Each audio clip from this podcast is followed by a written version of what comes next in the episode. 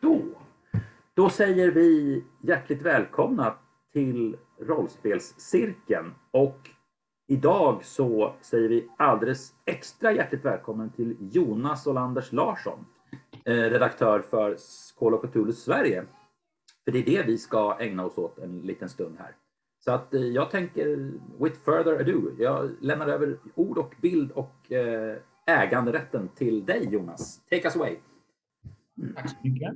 Precis som Daniel sa så heter jag Jonas och det vi ska köra idag är för studenternas försegling. Det är tänkt att spela som ett konventsäventyr på en kväll, men vi får se hur mycket det drar ut, ifall det blir intergalaktiskt så snedtripper, och allt möjligt. Men jag tror att det kommer vara en kort affär. Det beror ju på.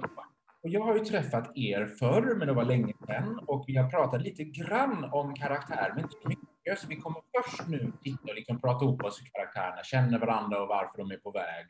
Och sen spelar vi några scener. Och det man gör i det här, själva äventyrspremiss, är att ni är på väg till Lund. För där är det ett gäng studenter som har bjudit er på en sittning. Och som äventyret är skrivet i original, då är det så att alla är föräldrar till någon student. Och då hade ni bollat lite olika idéer, att kanske inte alla var det, utan bara några. Så det är väl egentligen det vi kan börja med, vad ni hade tänkt att spela för karaktärer och varför ni har kommit ner till Lund för att vara på denna sittning. Jag tänker vi kan ta i bokstavsordning. Så Anders, vill du berätta vad du har för karaktär och om du har någon plan om studenten? Ja, absolut. Um, karaktären heter Svante Molin, är uh, yrkesofficer vid uh, Kungliga Smålands regemente i Jönköping.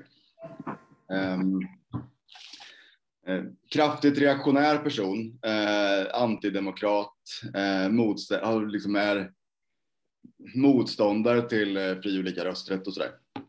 djupt skeptisk till den socialdemokratiska regeringen och anser att försvarsministern är landsförrädare ehm, har tre barn varav ena sonen studerar medicin i Lund. Så det är ju liksom, det är, det är sonen som har bjudit med honom ner till den här, till den här sittningen. Eh, och den här Svante Molin har egentligen ingen akademisk bakgrund. Hans far var gjutarmästare på Norra Hammars bruk. Eh, och eh, så han har liksom ingen akademisk, liksom, så han är lite fascinerad och lite skeptisk inför den här eh, Lunda tillgivelsen. Ja. Och då kommer vi till nästa fråga. Har du något namn på din son? Molin heter ju han antagligen. Molin heter han. Helmer heter han. Helmer Molin. Har du tänkt om du har en god eller dålig relation? Du vill, om du vill får du bestämma själv. Annars har vi en elak slumptabell vi kan slå här. Ja, nej, men alltså den är väl... Det här är hans mellanson. Mm. Eh, hans äldsta son tjänstgör också som officer vid. Eh, så att men den är väl ganska god. Sen är väl, han är ju, han är en, en reaktionär yrkesofficer i sina bästa år, så att han har väl ingen jättenära och varm relation till något av sina barn. Mm. Men den är liksom. Går han i sin pappas fotspår eller i hans familjens svarta får? Mer, alltså den äldsta sonen går ju mer i pappas fotspår i och med att han valde liksom officersbanan. Mm. Um, men, det, det, men det ska väl kanske inte ses som, ett, som en revolt pappa kanske inte är skitnöjd, men, men också lite sådär imponerad att han tar sig in på medicinutbildningen i Lund. Ja. Han läser ju ändå till läkare, så det är ju ett jobb. Liksom. Det är ju inget... Det är, det är, det är, han ska ju inte, det är inte litteratur eller något annat. Nej, exakt.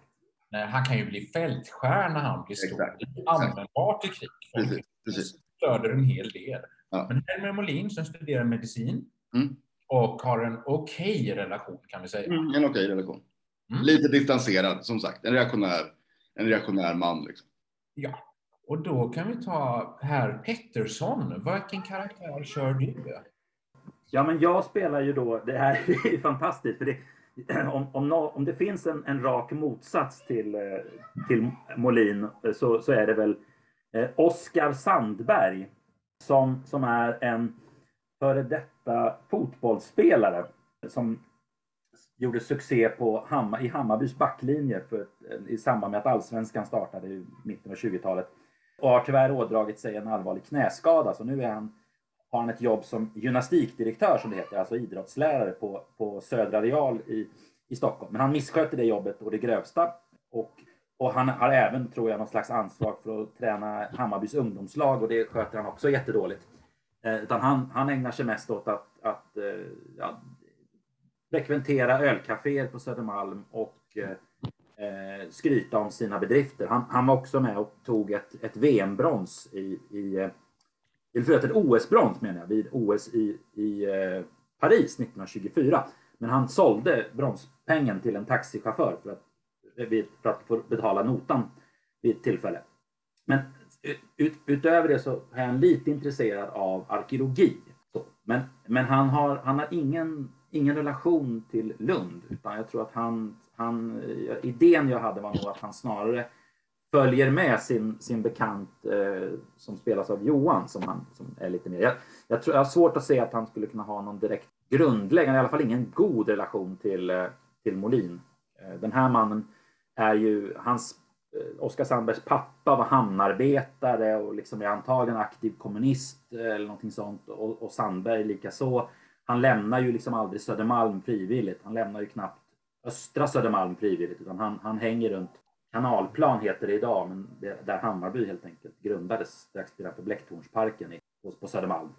Men, men å andra sidan en, en schysst studentfest eh, och, och liksom, det är klart han hakar på det, men han kommer ju inte kunna några sånger och och sånt. Men, men eh, det finns säkert punch och, och, annat på den här tillställningen. Så att, eh, han, han, kan ha varit i Lund vid något tidigare tillfälle. Någon så här träningsmatch mot Lunds bollklubb 1922. Eh, det blev 3-1 eh, till Hammarby och, och, han fick ett gult kort i, i 75 minuten. Sånt. Det minns han säkert i detalj. I övrigt minns han nog ingenting av staden. Lund är ju en håla ska jag säga också på 20-talet. Alltså det är ju i princip bara ett, ett universitet och en domkyrka och lite till. Plöttig stad verkligen. Hur gammal är herr Sandberg? Eh, ja, nu ska du se. Han är betydligt yngre än Molin. Han, han är ju... Jag tror att han är, han är född typ runt 1900, så han är i, kanske, ja, men han kanske är i 30-årsåldern. Han är född 1895 eller något 30-årsåldern. Jag kan fråga också om herr Molin hur gammal han är. Han är 47 vid tillfället. Okay. Vilket år spelar vi? Jag kan faktiskt, vi kan bolla den frågan till Daniel, för jag har förstått att du spelar en karaktär du har spelat tidigare ja. i cirkeln. Och om det eh. ska vara samma kanon kan vi ju sätta det det året som passar. Mm. Och då får nästan Johan hjälpa mig. Jag har för mig att vi pratar 1925 va? Ja, Eller jag minns det var hösten 25 vi spelade upp i, upp i, åkte upp till Tornedalen.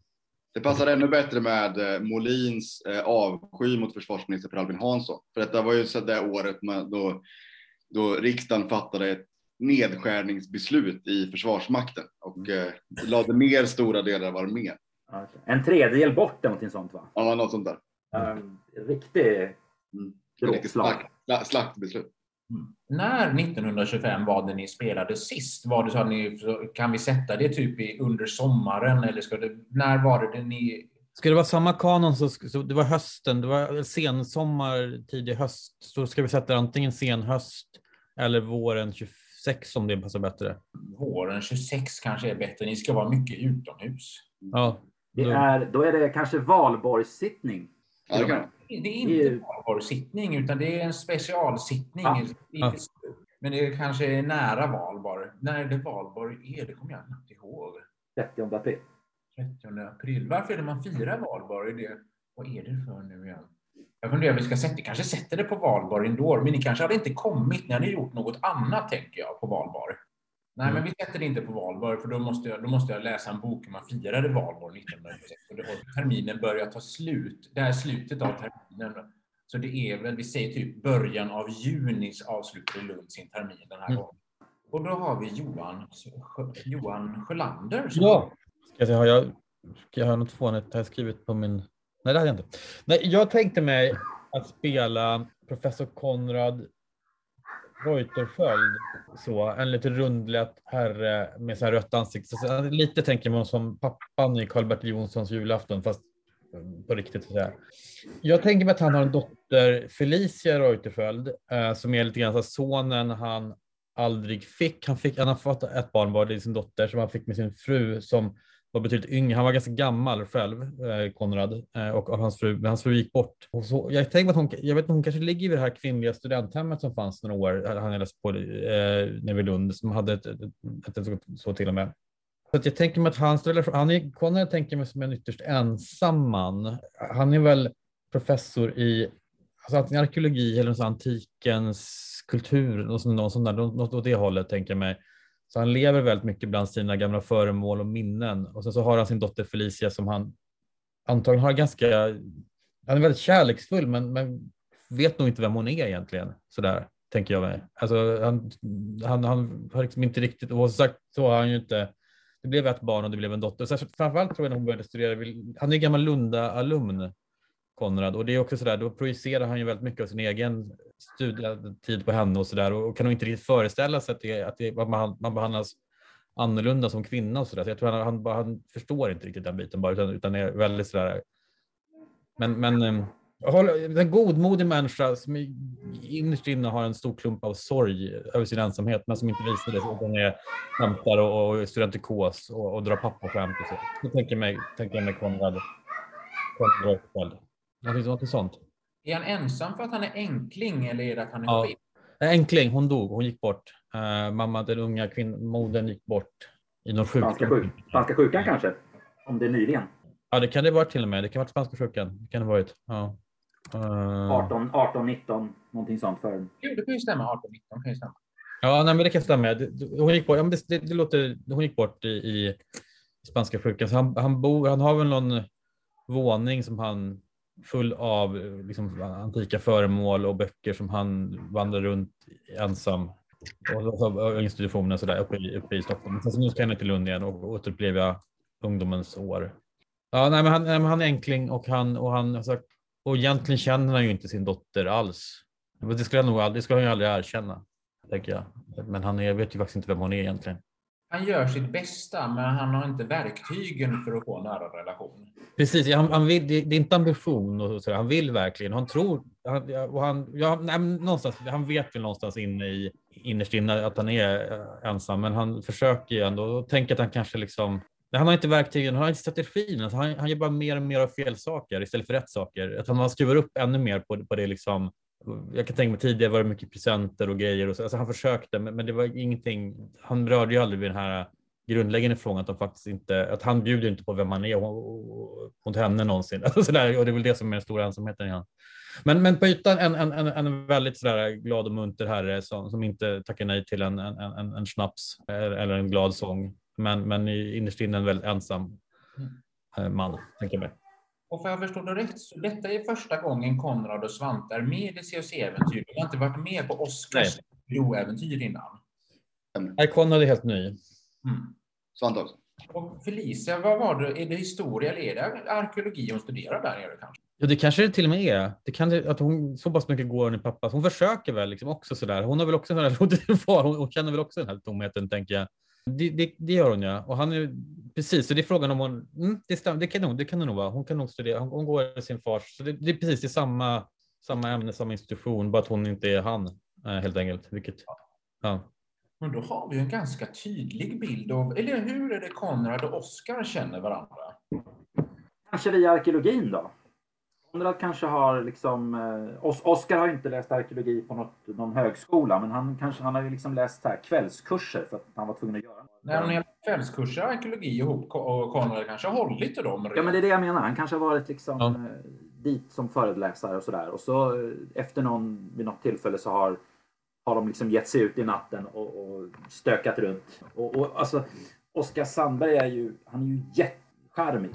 Liksom, det är ju hans stora, stora grej liksom. Eh, drar sig aldrig för ett skämt. Jag tror att han kanske gillar de här pappaskämten också. Det, är lite, det passar hans, liksom, eh, hans söderslangstil liksom. Eh, så jag tror, och det kanske är också så att den här lite sorgliga Konrad har hittat något, eh, något lite förlösande i den här ganska sorglösa Oskar Sandberg. För han är verkligen, han är verkligen sorglös i ordets rätta bemärkelse. Hur gammal är Konrad?